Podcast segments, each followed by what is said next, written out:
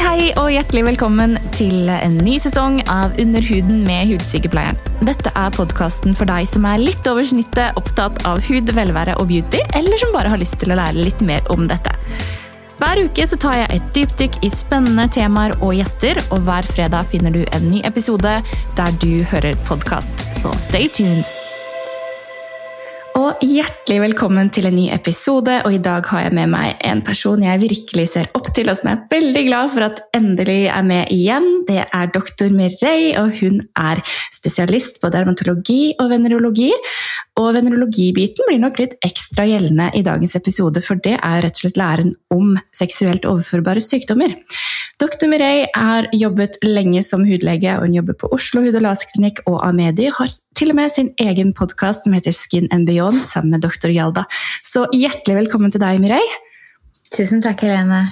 Veldig hyggelig å ha deg tilbake, som alltid. Du er jo et orakel. det er jeg ikke. For meg er du det. Men mer sånn skin-nerd. ja, virkelig. Men eh, kan ikke du fortelle litt eh, om deg selv? En liten intro? Utenom det jeg har sagt. ja, hva jeg spiste i dag? Ja, Hva spiste du til frokost? jeg spiste jubileumsbolle ja. fra Baker Hansen. Fordi det er søndag i dag. Gjelder det hver søndag, eller? Uh, ja, dessverre. Special occasion. Uh, ja. Men nei, jeg er jo spesialist i hud- og venerologi, og det mange ikke vet, er at hudleger også er spesialister i diagnostikk og behandling av kjønnssykdommer. Mm. Um, og de fleste hudleger, om jeg ikke tar feil, så er nok de fleste hudleger i Europa det, unntatt i UK, hvor du enten er venerolog eller dermatolog. Okay. Uh, så de fleste som blir uh, hudleger eller dermatologer, er jo det først og fremst pga. hudfaget. Men det er alltid greit med litt variasjon. Så. Ikke sant? Men får du mye henvendelser på seksuelt overførbare sykdommer i din praksis, eller er det mest hud? Så Vi som er utdannet i Norge, i hvert fall på Sør-Østlandet, vi har jo da også jobbet på Olafia-klinikken. Mm. Og det er jo et lavterskel gratistilbud til alle som lurer på om de har en seksuelt overførbar sykdom. Og der kan du snakke med sykepleiere, og du kan også bli tilsett av lege hvis det er behov for det. Mm. Og de har både dag- og kveldstimer. De har også egne tilbud for det vi kaller MSM, menn som har sex med menn, og KSK, kvinner som har sex med kvinner. Og selvfølgelig så eh, kan du også kontakte dem eh, og ringe dem. På nettsiden er det sånn spørsmål og svar hvis man har spørsmål. Så eh, hvis man føler at det er litt høyere terskel for å kontakte egen fastlege, så er Olafia-klinikken der. Ikke sant? Det er så bra tilbud. Feil, ja, og jeg, hvis jeg ikke tar feil, så er det også lignende tilbud i de ulike storbyene i Norge. Bergen og ja. Trondheim, og, mm, hvis jeg ikke tar feil. Nå hoppet vi jo egentlig ganske raskt inn i dagens tema, fordi hele podkasten skal på en måte handle om litt sånn kleine ting som man kanskje ikke tør å spørre legen sin om. Og det er jo egentlig ganske interessant. Du har jo hatt en lignende episode sammen med eh, dr. Jalda på din podkast, Skin and Beyond. Kan ikke du fortelle litt om hvorfor dere lagde den episoden, og liksom, ja, hvordan dere hentet inn spørsmålene? Litt sånn? Ja, det var jo clickbait, da. Nei. Det clickbait. Nei, det var fordi jeg tenkte at jeg skulle vise en annen side av eh, dermatologien. Mm. For jeg syns det er veldig viktig å få frem at uh, altså man må kunne snakke om disse tingene. At det ikke skal være tabu. da. Det er helt riktig, og jeg vil jo bare si at for oss som, eh, som er sykepleiere og leger, så har vi ikke sånn tabu ting, eh, Helene. Vi, som jeg pleier å si, at vi, vi, spør om hvordan urinen ser ut, og avføringen og utflod og, og Mm. utslett og alt mulig. Så for oss er det jobben vår. Vi, vi de, vi gjør det i det daglige. Mm. Så jeg pleier også å si til pasientene mine når de f.eks. skal kle av seg for en føflekksjekk og tar av seg sokkene, eller hva det enn skulle være, hvis de kommer rett fra trening og da sier vet du hva, Det er ingen som pynter seg for å komme til meg. Det går ja. helt fint. Ja, Så greit, da. Bare senke den baren med en eneste gang. Ja. Men hvilke spørsmål er det du på en måte får hyppigst eller eh, når det gjelder eh, seksuelt overførbare sykdommer? Hva er det liksom som trender? når, det gjelder, Ja, når det er menn, så er det ofte 'jeg har utslett nedentil, og det klør', eller Mm. 'det er så vondt å trekke tilbake forhuden'. Um, og for kvinner så er det jo som regel så kommer de til meg ofte for utslett. Um, er det utflod involvert som er annerledes, så pleier det å gå til fastlege eller gynekolog. Mm. Mm. Hva, hva ender de stort sett opp med av en diagnose på disse Ja. to tingene? Så for menn er det jo, um, de som ikke er omskåret, så er det ofte sånn forhudsbetennelser, og det er ikke helt uvanlig. Uh, Mm. Og det kan være ordentlig ubehagelig, men er rimelig enkelt å behandle. Mm. Uh, og da gir jeg ofte en kombinasjonsbehandling. Um, for det er, liksom, det er ikke bare å gi dem en krem og så ønske dem lykke til videre. Nei. Eh, Så det er greit å liksom, em, behandle det fra ulike punkter. Så eh, jeg er, eh, pleier å si at vet du hva, eh, fordi menn er jo, de vasker seg med en såpe som, når de dusjer med, som tar hår og kropp og alt. Jeg pleier da, fordi jeg kommer til å gi dem reseptbelagte kremer, så jeg vet du hva, du er kanskje ikke vant til å vaske deg med såpe nedentil daglig, og det skal man heller ikke. Men akkurat nå, når, skal, vi- når vi skal gi deg reseptbelagte og ikke reseptbelagte kremer, så er det viktig å vaske vekk kremrestene. Ja, ikke sant. Eh, ellers så blir det bare en haug med gamle kremrester. Eh, og da pleier jeg å anbefale Aco Intimate Care Oil. Jeg er ikke sponset osv., bare så det er sagt. Mm. Men det er jo en sånn oljebasert rens som ikke skummer, eller noe sånt, så du føler ikke at den rengjør, men den gjør det uten å strippe hudbarrieren for, eh, for lipider. Ikke sant. Um, og da er det viktig at de trekker forhuden tilbake og renser godt. Akkurat de områdene de har smurt eh, de reseptbelagte kremene de har fått fra meg. Mm. Og så pleier jeg også, altså selvfølgelig det kommer an på tilfellene, å anbefale kaliumpermanganatbad Mm. som da både tørker litt ut og, og, og er litt bakteriedrepende og, og kan også hjelpe hvis de har sopp. Ofte er det en sånn kombinasjon. Det er ikke alltid man tar prøver heller, med mindre man ikke kommer eh, til målet, til behandlingsmålet. Eh, og de, de blandingsforholdene som står da på kaliumpermanganatflasken, er jo for badekar, så man må jo virkelig eh, Man trenger ikke å dyppe hele kroppen i kalium, kaliumpermanganatbad, men bruke f.eks. en sånn eh, plastkopp, og så eh, trekke forhuden tilbake og dyppe penis oppi, og da blande det eh, ut ifra det vannet som er eh, Altså den mengden vann du har i plastkoppen. Det kan man gjøre sånn et kvarters tid, sånn annenhver dag, eventuelt hver dag hvis det er ille, i en kort stund. Nettopp. Men er det kombinasjonsbehandlingen. Og så ofte så gir jeg også eh, eh, reseptbelagt krem som, som er litt betennelsesdempende. Litt sånn lavgradig kortisonsalve, som gjerne også inneholder noe mot sopp, som er litt soppdrepende. ja. Krem i et, ja. Mm. Men Og det pleier å, pleier å komme i mål med dette, og kommer man ikke i mål, så må man jo ta prøver. Noen ganger tar jeg prøver fra første konsult hvis det er ordentlig ille. ikke sant? Mm, mm. Eh, og er det noen sår eller solitære områder med utslett, et utslett som aldri går over, eller et eh, sår, kronisk sårdannelse, så må man ta biopsi. ja, Altså skjære ut en liten bit og sende til analyse. ikke sant? Så da ser de på cellestrukturen og ser hva det er som kan ha Ja, ser om mm. det kan være noe litt sånn grums der, da. Og da har man et kronisk sår der nede, så må man få det undersøkt, for det er jo ofte sånn celleforandringer begynner. Mm. Men alle disse kvinnene som kommer med utslett, hva er det liksom de ulike options du har, eh, har da? Hva spør du om, og hvordan, hvordan behandler Ja. man det? Så det kommer jo an på årstiden også, for det er jo ikke så uvanlig med sånn varmeutslett, eller eh, hvis man f.eks. er eh, litt over normalt hold, at det blir litt, uh, mye, litt tett da med, mellom lår og, og, og mageområdet, og det blir litt tett i lyskeområdet, så kan man Mm. få sånn intertrigo eller sopp. Og, um, ofte så må man jo behandle det med reseptbelagte midler, gjerne de som er kombinasjonspreparater av kortison og antisoppmidler. Og noen ganger så må man også forebygge så ikke det her skjer igjen, og da finnes det sånne talkumlignende pulvere som eh, er på resept, som også inneholder sånn antisoppingredienser. Mm. Ja, Ja, fordi sopp elsker fuktige omgivelser. ikke sant? Så når det er hud som gnisser mot hud, rett og slett, over en lengre periode, så kan det oppstå. Ja, altså, men det trenger ikke å være sopp i det tilfellet. så er man, De fleste kvinner har jo lår som gnisser mot hverandre Mm. når man eh, går eller ikke har på seg strømpebukser og, og går en varm sommerdag. Eh, og, og det er jo helt normalt Mm. at det skjer. Det er ikke noe, eh, men da kan man eventuelt legge på litt eh, vaselin, eller tynt lag med vaselin eller en fet fuktighetskrem. Mm. Eh, eller ha på seg sånne eh, tynne sånne boksershorts som dekker litt av de, det, det området av lårene som gnisser mot hverandre. Mm. Det går an. Før eh, denne sendingen så la jeg ut en spørsmålsboks på Instagram, hvor folk kunne sende inn alt de lurte på. Så jeg tenkte vi skulle gå gjennom alle disse spørsmålene. Eh, og her er det veldig mye forskjellig, eh, så vi kommer nok til å komme innom det meste innen eh, dette. Men eh, la oss starte litt med et tema som går mye igjen, og det handler om eh, herpes.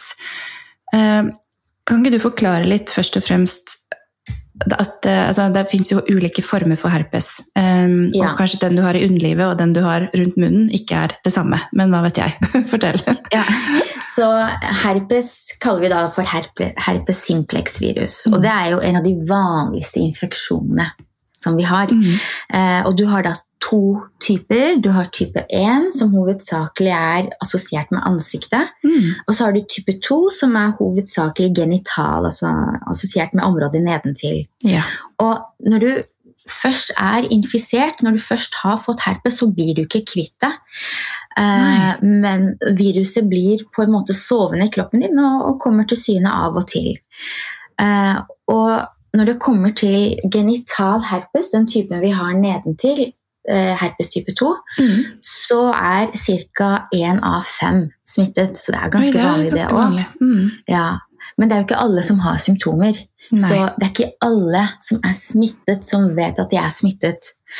Uh, og hvordan blir man da smittet? ikke sant? Mm. Og det er jo hovedsakelig da hud til hudkontakt eller munn til hudkontakt. Nettopp. Mm. Um, og du blir ikke smitta, for jeg så noen av de spørsmålene du sendte, Helene. men Mm. Man blir ikke smitta ved å sitte på et dosete eh, eller låne bukser eller eh, håndkle fra en venn. Eh, nå vet jeg ikke hvor ofte man låner håndkle fra venner, da, men, Nei, nei.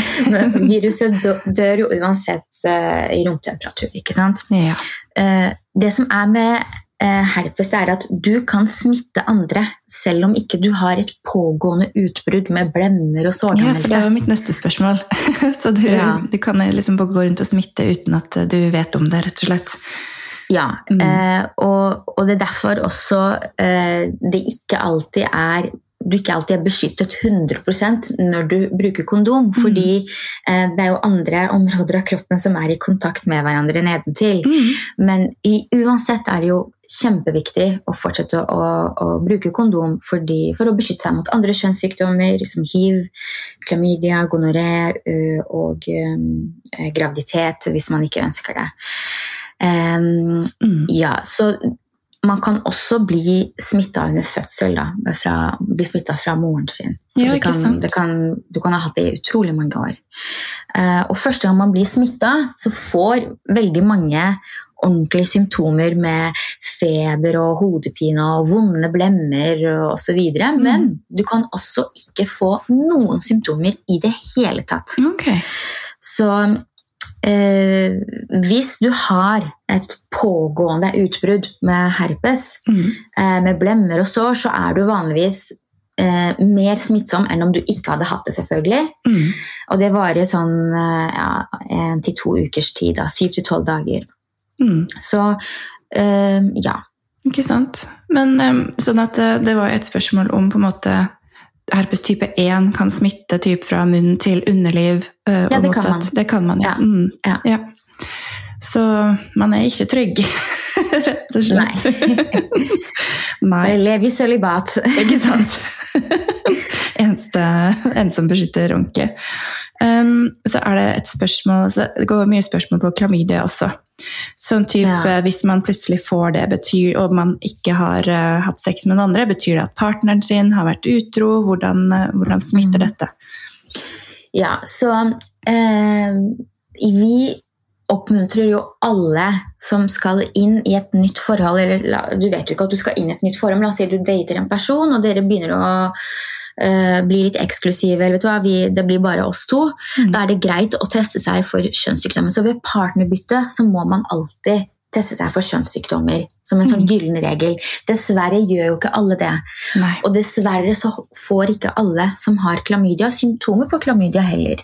Nei. Så du kan, ha, du kan, ha, blitt sammen med en som ikke har noe symptom på klamydia, og så plutselig blir du smittet og, og du utvikler symptomer. Hvis du Altså jeg pleier å si du er heldig hvis du utvikler symptomer, for da oppsøker du forhåpentligvis lege og får det behandlet. ikke sant? Mm. Uh, så det, det, blir vanskelig å svare noe sånn bastant ja, ja eller nei på det her. Uh, og det er enda vanskeligere med herpes og kjønnsvorter. Ja. Fordi du kan ha hatt infeksjon i årevis, og så plutselig så får du symptomer.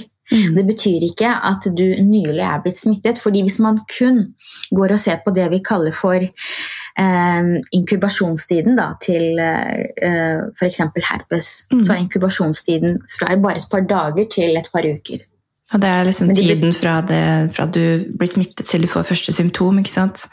Ja, ja. Men, mm. men, det er dessverre ikke så enkelt. fordi Nei. det kan også være at du har blitt smittet for lenge siden, men ikke har fått symptomer før nå. Skjønner.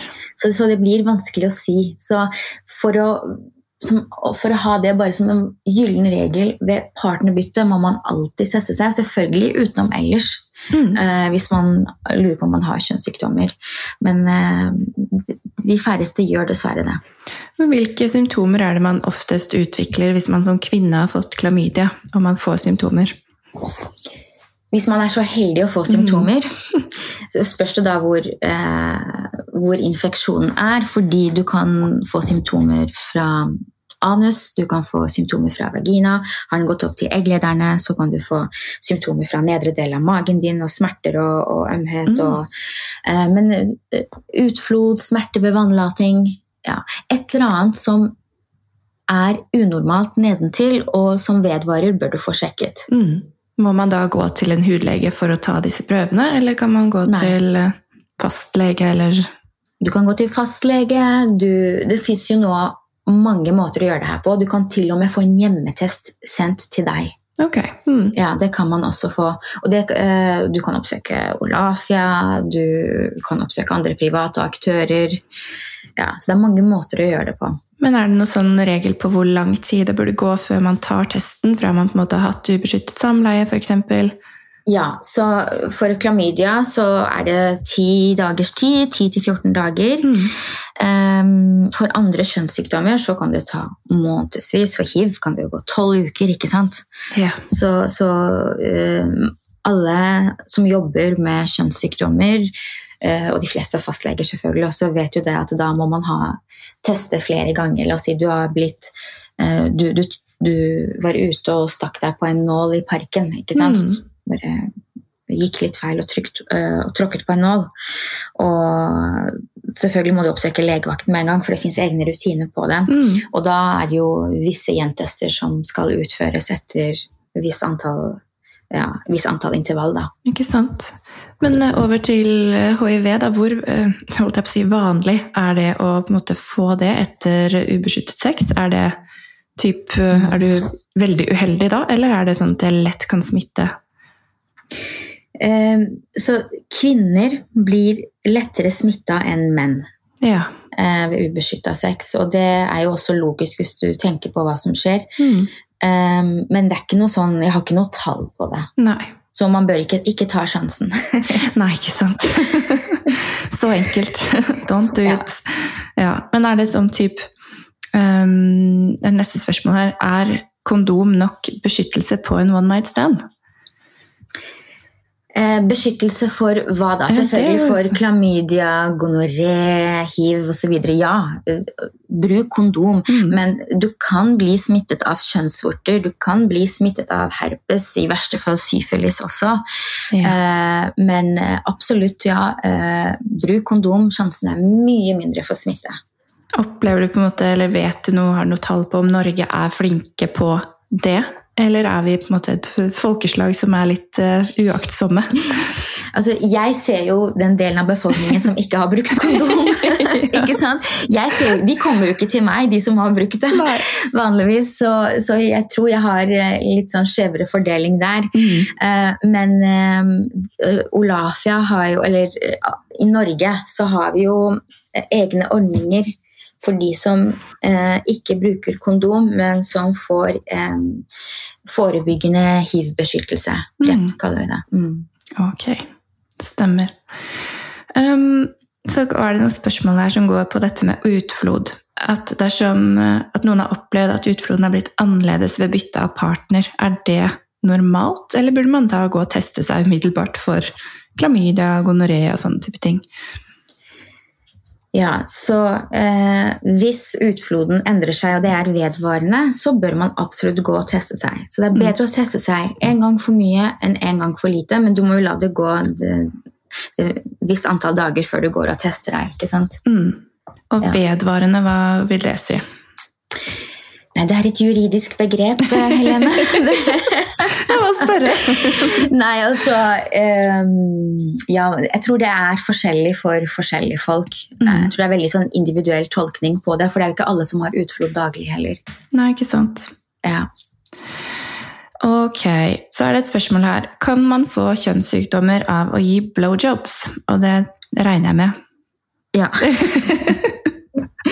Det kan man, eh, og det kan man også andre veien da, hvis en mann går ned på en kvinne. Og det fins jo sånne Nå husker jeg ikke hva de heter, sånne beskyttelsesting man legger på eh, underlivet til kvinnen, hvor jeg tror det er bare klitoris som er synlig. Eh, så det er selvfølgelig hvis altså Du kommer jo i kontakt med slimhinner uansett, Mm. men det fins løsninger for ulike varianter av oralsex. Mm. Eh, men ja, absolutt. Så, sånn, man anbefaler jo folk å bruke kondom ved det også, da. Ja, ikke sant. Ja, det er rett og slett det som er den tråden her. Ta en test og bruk kondom. rett og Ja. slett. Men eh, det er jo også et par som har spurt litt eh, sånn type etter fødsel, eh, hvor man på en måte kan oppleve at eh, nedentil-området ikke er helt det samme igjen. Um, hvor lang tid tror du det går før man opplever den sexlysten igjen, og hvordan er det i forhold til typ nedsunket livmor og ja, litt, jeg vet ikke, litt sånne type kvinneplager da, som man får etter fødsel? Ja.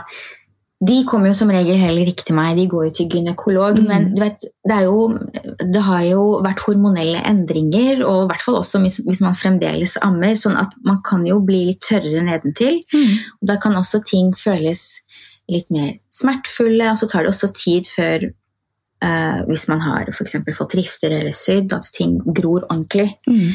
Uh, så, så ting tar tid, og har man da i tillegg fått sånn utrusprolaps eller nedsunket livmor, så kan det også føre med seg litt sånn tyngdefølelse og smerter ved, ved samleie. Uh, så mm, dette er ting som man bør få sjekket med fastlege og eventuelt gynekolog. Ikke sant? Ja. ja, vi kvinner skal gjennom mye rart. Ja. Ja. Um, et tema som dere snakket litt om i deres podkast også, dette her med uh, intimbarbering og nupper og litt sånn forskjellig. Kan du ikke fortelle litt om hvordan man kan unngå, unngå det? Som, som jeg også sa på podkasten, så øh, hvis du barberer deg eh, hyppig nedentil, så fins det, øh, finnes det løsninger med mer permanent hårreduksjon. Mm. øh, som laserbehandlinger. Mm. Og da er det jo ulike typer laser ut fra hvilken hudfarge du har. Så selv om du har mørk hudfarge, så fins det lasertyper for dette, bl.a. NDAG. Mm. Det mest effektive er jo alexandrit. Mm. eh, og det er bølgelengden, det er jo ikke merke på laseren. eh, og den er jo mest eh, Eller den passer mest de som har lys hud. Ganske lys hud. Mm.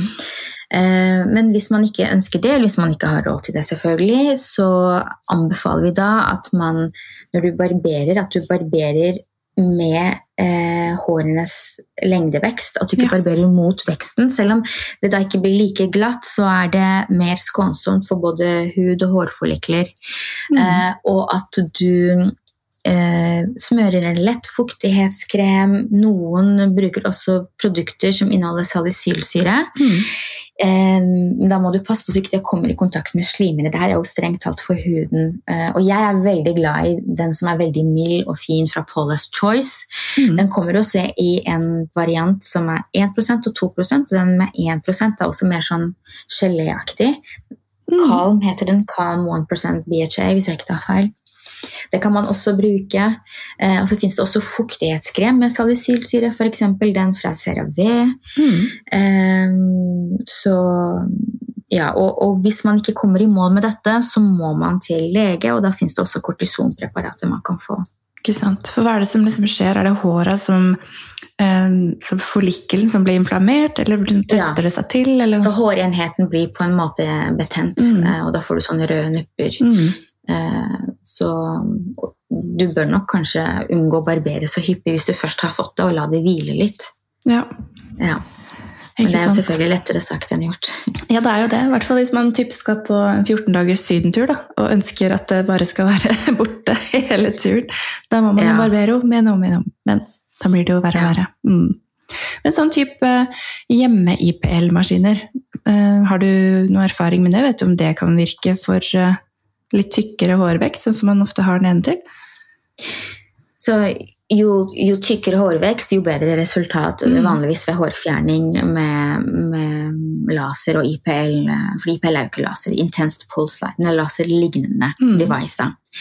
Eh, jeg har ikke noe særlig tro på sånne hjemmeprodukter. Nei. Eh, det er jo en grunn til at lasermaskiner er så dyre, de vi bruker på klinikkene. Mm. Eh, og det er ikke noe du får for 3000 på Elkjøp. Nei. Men eh, jeg har mange pasienter som er fornøyd med dem. Mm. Så, så noe må det jo være. Selvfølgelig så er ikke IPL like eh, Det er ikke like godt egnet for de med mørkere hudtyper. Nei. Eh, og du må jo, for når, når man gjør det selv, så får man ikke de rådene man får fra en profesjonell. Så det er jo måten man gjør det på, og om du soler deg osv., har selvbruning og dette, alle, Alt det der er sånn fy-fy. Mm. Eh, men eh, selvfølgelig er man student, og det er det eneste man har råd til, og man er fornøyd med det. Så, så lenge det ikke skader deg, så kan du fint fortsette med det. Det er sånn gyllen regel. Ja, ikke sant. Det var lurt. Så bra. Du, da har vi kommet i mål med spørsmålene, men jeg er litt sånn spent på hva som er planen deres videre for podkasten deres, og hvilke spennende temaer dere skal innom i nærmeste fremtid. Ja, så um, nå håper jeg at dere fortsetter å høre, for nå skal jeg snakke om podkasten. Eh, det er helt ny podkast. Vi har bare gitt ut én episode. Eh, så um, den er på engelsk, men den er forståelig fordi hun snakker sakte. Hun kollegaen min som er fra UK, og jeg snakker norsk-engelsk, så det er forståelig for alle. Absolutt. Ja, og den, eh, den skal være litt sånn morsom, så jeg er litt mer kanskje gøyal enn det jeg er her, da.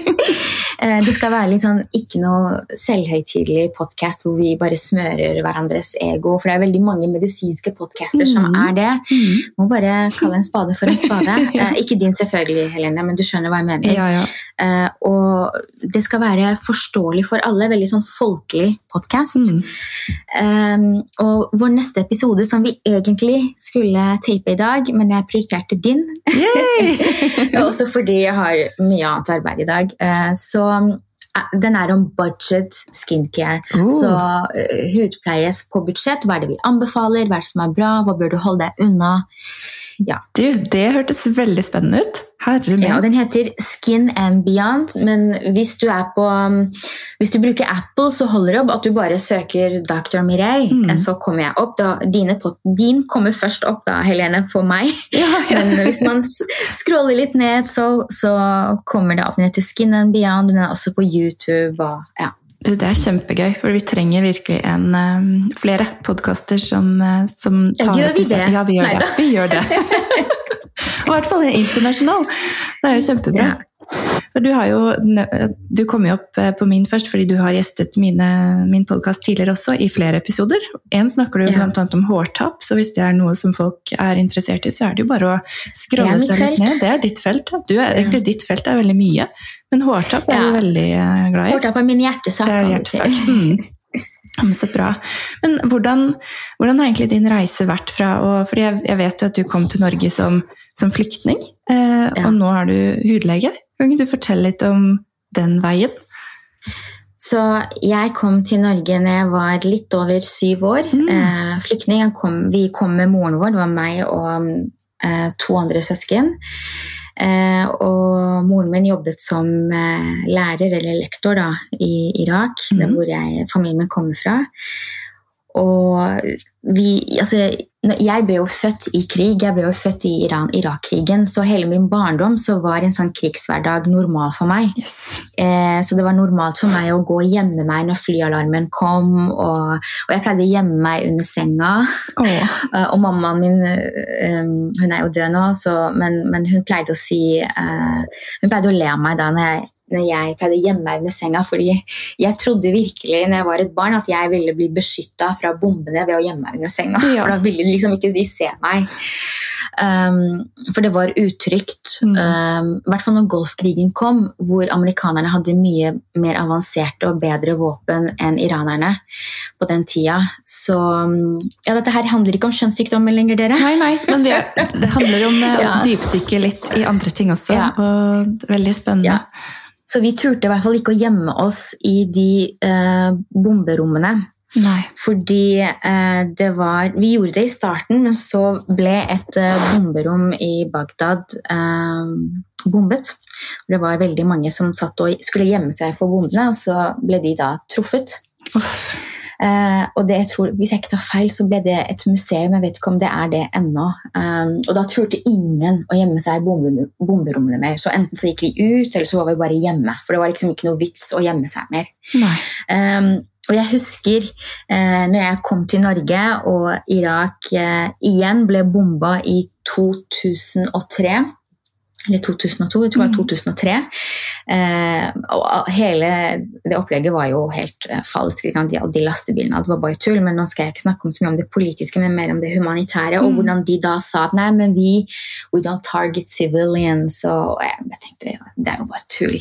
Altså, jeg så jo det med egne øyne, hvordan sivile ble drept. hvordan ja, eh, Jeg husker når vi Spesielt en gang vi eh, bare gikk en eh, tur med moren min i, til Vi skulle gå til et annet sted. Mm. Jeg husker ikke hvorfor vi skulle dit. Eh, og plutselig så stopper moren min på gaten, og så hold, eh, putter hun hendene hennes på øynene mine. Ja. når, når du går bak noen og så du skal liksom skremme dem. Ikke Ja. Hun gjorde det for at jeg ikke skulle se noe. Så sa jeg til henne hva, hva er det? Mm. Og så sa hun nei, nei, jeg må ikke se på det treet. Eh, og og um, det var visst et sånn helt grotesk syn med, hvor du kunne se en del av en hodeskalle. eller noe sånt. Det var he helt sånn hår og ja. Helt forferdelig. ja. Så eh, det var store, store ødeleggelser. Det var en gang de bombet eh, et hus som var i nærheten av vårt, og hvor vi plutselig altså Flyalarmen gikk, vi, vi gikk ikke noen steder, fordi det var ikke noe vits. ikke sant? Nei. Og så eksploderte vinduene pga. trykket Ja. fra bomben. Uff, ja. Eh, og jeg husker, jeg husker ennå hvor redd jeg var. Ja. Eh, og det var helt sånn forferdelig redsel å oppleve. Eh, det var første gang i mitt liv jeg opplevde en slik redsel, fordi jeg var jo vant til alle de bombene og flyalarmen og ambulanselydene, og det var liksom en del av min barndom, Mm. men når all glasset knuste det var, Jeg husker ennå hvor redd jeg ble, og hvor Jeg husker at jeg bare visste ikke hva jeg skulle gjøre av meg. Nei. For det var en helt merkelig situasjon. Uh, og så Faren min var jo ikke i Irak på den tiden, for han var jo en desertør. Mm. Han uh, flyktet når Iran-Irak-krigen eh, holdt på i begynnelsen. Uh, så han, og det var jo dødsstraff for å nekte å ta militærtjeneste. Mm. Så han måtte flykte fra landet, så han var jo ikke der. Men eh, så når vi flyktet fra Irak, så gjorde vi det, gjorde vi det med moren vår. Mm. Og jeg husker det ennå, fordi moren min var, var veldig sånn fashionista. Oh, ja. Hun eh, likte å kle seg fint og hadde alltid sånn eh, Det her var jo sånn slutten av 80-tallet, begynnelsen av 90-tallet, så var det sånn masse knæsj farger. ikke sant? Ja, ja. Så hun hadde masse pumps, og alle pumpsene hadde hun eh, øredobber til som matchet i farge. Eh, så hun gikk alltid med høye hæler og kjoler og skjørt og sånn. Og så husker jeg når vi da eh, skulle flykte, så eh, Hun sa selvfølgelig ikke til meg at vi skulle flykte, hun sa vi skal på en lang busstur, fordi barn snakker jo til alle. ikke sant? Så jeg tror ikke hun stolte helt. Og så hadde hun på seg joggesko. Og jeg husker det nå, jeg syns det var så rart. jeg bare Hvorfor har du på deg sånne sko? Mm. Og hun bare Tilfelle vi må løpe. Ja. Og jeg visste jo ikke hvor farlig det da var. ikke sant? Kjære. Eh, Så dette er ting man husker sånn i etterkant, og mm, det har gitt meg en sånn dybde i livet. Eh, Så eh, jeg føler at jeg pleier å bruke det som en spøk da når jeg klager over ting som er sånn first world problems. Så Ja. vet du hva? Jeg har rett i det! Ja. Fordi jeg har en helt annen fortid enn veldig mange. Ja. Um, men det er jo ikke Altså, jeg må liksom ta meg i å huske å være takknemlig. Mm. Det er en sånn Fordi ma- man, dette blir en sånn selvsagt del av deg at du glemmer at oi, kontrasten er så stor her i trygge Norge, og her har du faktisk rent drikkevann, du kan Mm. drikke fra springen, og det er trygt, og ingenting skjer, ikke sant?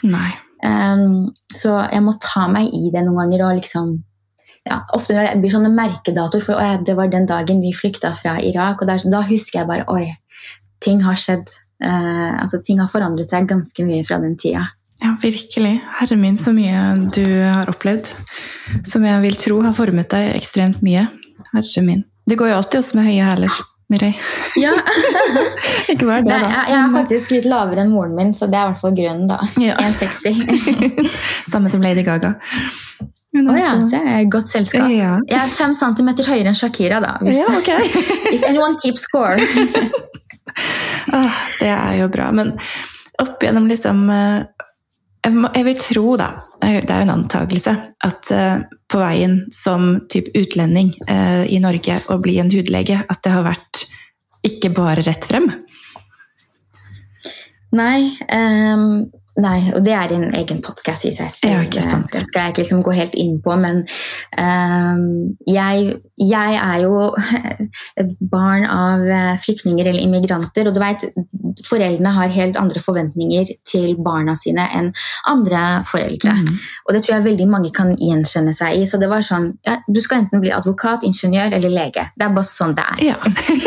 Eh, For meg var det helt greit, fordi jeg ville jo bli lege. Eller jeg vet ikke om jeg ble hjernevasket til det, men jeg stortrives med det valget nå. Mm, Og det samme er søstera mi, hun er også lege. Så, så eh, ja, så, så det er en sånn forventning immigrantforeldre har til deg, tror jeg. Mm, mm. Eh, at, eh, og det tror jeg f.eks. Uh, indiske barn i USA eller kinesiske, barn av kinesiske immigranter i USA osv. også kan gjenkjenne seg i. Mm. Eh, så, så det er mer kulturelt, tror jeg. Og så har det med at eh, eh, jeg tror det er en sånn tankegang om at jeg ofret mitt liv for deg, du må, du må gjøre noe ut av ditt. Ja, ikke sant. Ja. Og med noe så mener ikke de Da har de liksom spesielle eh, forventninger. Yes. Mm. Ja. Men det er jo egentlig altså, så fint, tenker jeg, å å ønske eh, noe så bra for barna sine. Selv om det også sikkert legger et press, selvfølgelig. ja. Jeg tror det legger et press, men så også så eh, Jeg tror de, de slapper også litt av etter hvert. De, altså alle foreldre integreres jo. Mm. Uh, I hvert fall mine ble jo det. Så jeg husker um, når moren min døde, så var lillesøstera mi ti år. Ja. Eh, og da eh, husker jeg moren min sa at vet du hva, eh, hun, hun må bli akkurat det hun vil når hun blir stor. Åh. Jeg, jeg vet det. Og det ble hun også. Hun studerte fransk. og hun er også eh, jobber med politikk, da. Så aktivt i politikk. Så mm, jeg tror ikke det har vært like akseptert for meg å studere fransk på universitetet uten å komme med noe konkret som lege, advokat eller ingeniør til eh, foreldrene mine. Ok. Yeah. Ja. Så det er noe med at de myknes opp litt etter hvert også. ja. Men har du fått noe sånn skikkelig Det er alltid litt gøy å høre. Har folk fått noen skikkelig dårlige råd opp gjennom livet sitt? Eller noe skikkelig meg, bra? Nei, det, du liksom, ja, generelt. Um, altså, altså, alle Jeg vet ikke. altså, Ja, du har et tenker du på noe konkret? Ja, er det liksom noen som har sagt noe til deg som du tenkte bare det er et skikkelig dårlig råd, eller, eller det Nei, men det var um, jeg husker at jeg eh, oppsøkte rådgiver på, på videregående Ja. for å spørre henne hva som skulle til for at jeg skulle komme inn på medisinstudiet i Oslo. Mhm. Og hun eh, prøvde det hun kunne å frasnakke meg fra å bli lege. Oi. Og eh, den opplevelsen har jeg hørt også andre har hatt. eh, Kanskje ikke hos denne rådgiveren, men eh, Så jeg vet ikke om hun eh, Jeg vet ikke hva bakgrunnen for det var, men jeg husker at jeg tenkte oi, hvis jeg ikke hadde vært så bestemt, så hadde jeg kanskje Jeg har tenkt på det etterkant. Mm. tenkt oi, Hvis jeg hadde hørt på den rådgiveren eh, og ikke gjort det og gjort noe annet, så ja, hadde livet mitt vært helt annerledes. Så jeg er veldig glad for alt som har skjedd. Ikke sant? Kjære vene. Men hvis du skulle hatt en alternativ karriere, holdt jeg på å si, hva tror du det hadde vært? Eller jeg tror jeg hadde blitt uh, makeup-artist, ja. Det Ja. tror jeg. ja. Da får du brukt estetikken der òg. Ja, ikke sant? Ja. De fleste som, eller i hvert fall mange da, som jobber i denne bransjen, har et eller annet sånn kreativt eller estetisk utløp for et eller annet. Og mm. du er jo kjempeflink med sminke, så jeg ser den. Absolutt. Det hadde i hvert fall ikke blitt godtatt av foreldrene mine, det kan jeg garantere deg. Det er nå en sak. Ja. Men da tror jeg vi har kommet til veis ende. Jeg må bare takke deg igjen. Tusen hjertelig takk for at du ville stille opp. Jo, vær så god. Takk for at jeg ble invitert, Helene. Det er alltid morsomt å komme her. Det er alltid hyggelig å ha deg på besøk. Kan ikke du bare gjenfortelle hvordan folk kan finne deg på typ sosiale medier, og hvor du jobber, og hva podden heter igjen, sånn at de vet igjen? Ja. Podkasten vår heter Skin and Beyond, eller du kan også bare søke på Dr. Mireille, så kommer det opp. Eh, Jeg er hudlege og jobber bl.a. på Oslo hud- og laserklinikk og Amedi i Asker. Eh, På Instagram heter jeg også Dr. Mireille, eh, M-I-R-A-Y, Y for Yngve. eh, Og der legger jeg ut sånn hudrelaterte ting. Pleier ikke å legge ut så ofte hva jeg spiser, men mer sånn hudrelaterte ting. ja. Anbefaler alle å gå og følge henne der, for der er det veldig mye nyttig å lære. Tusen hjertelig takk. Da sier vi ha det godt.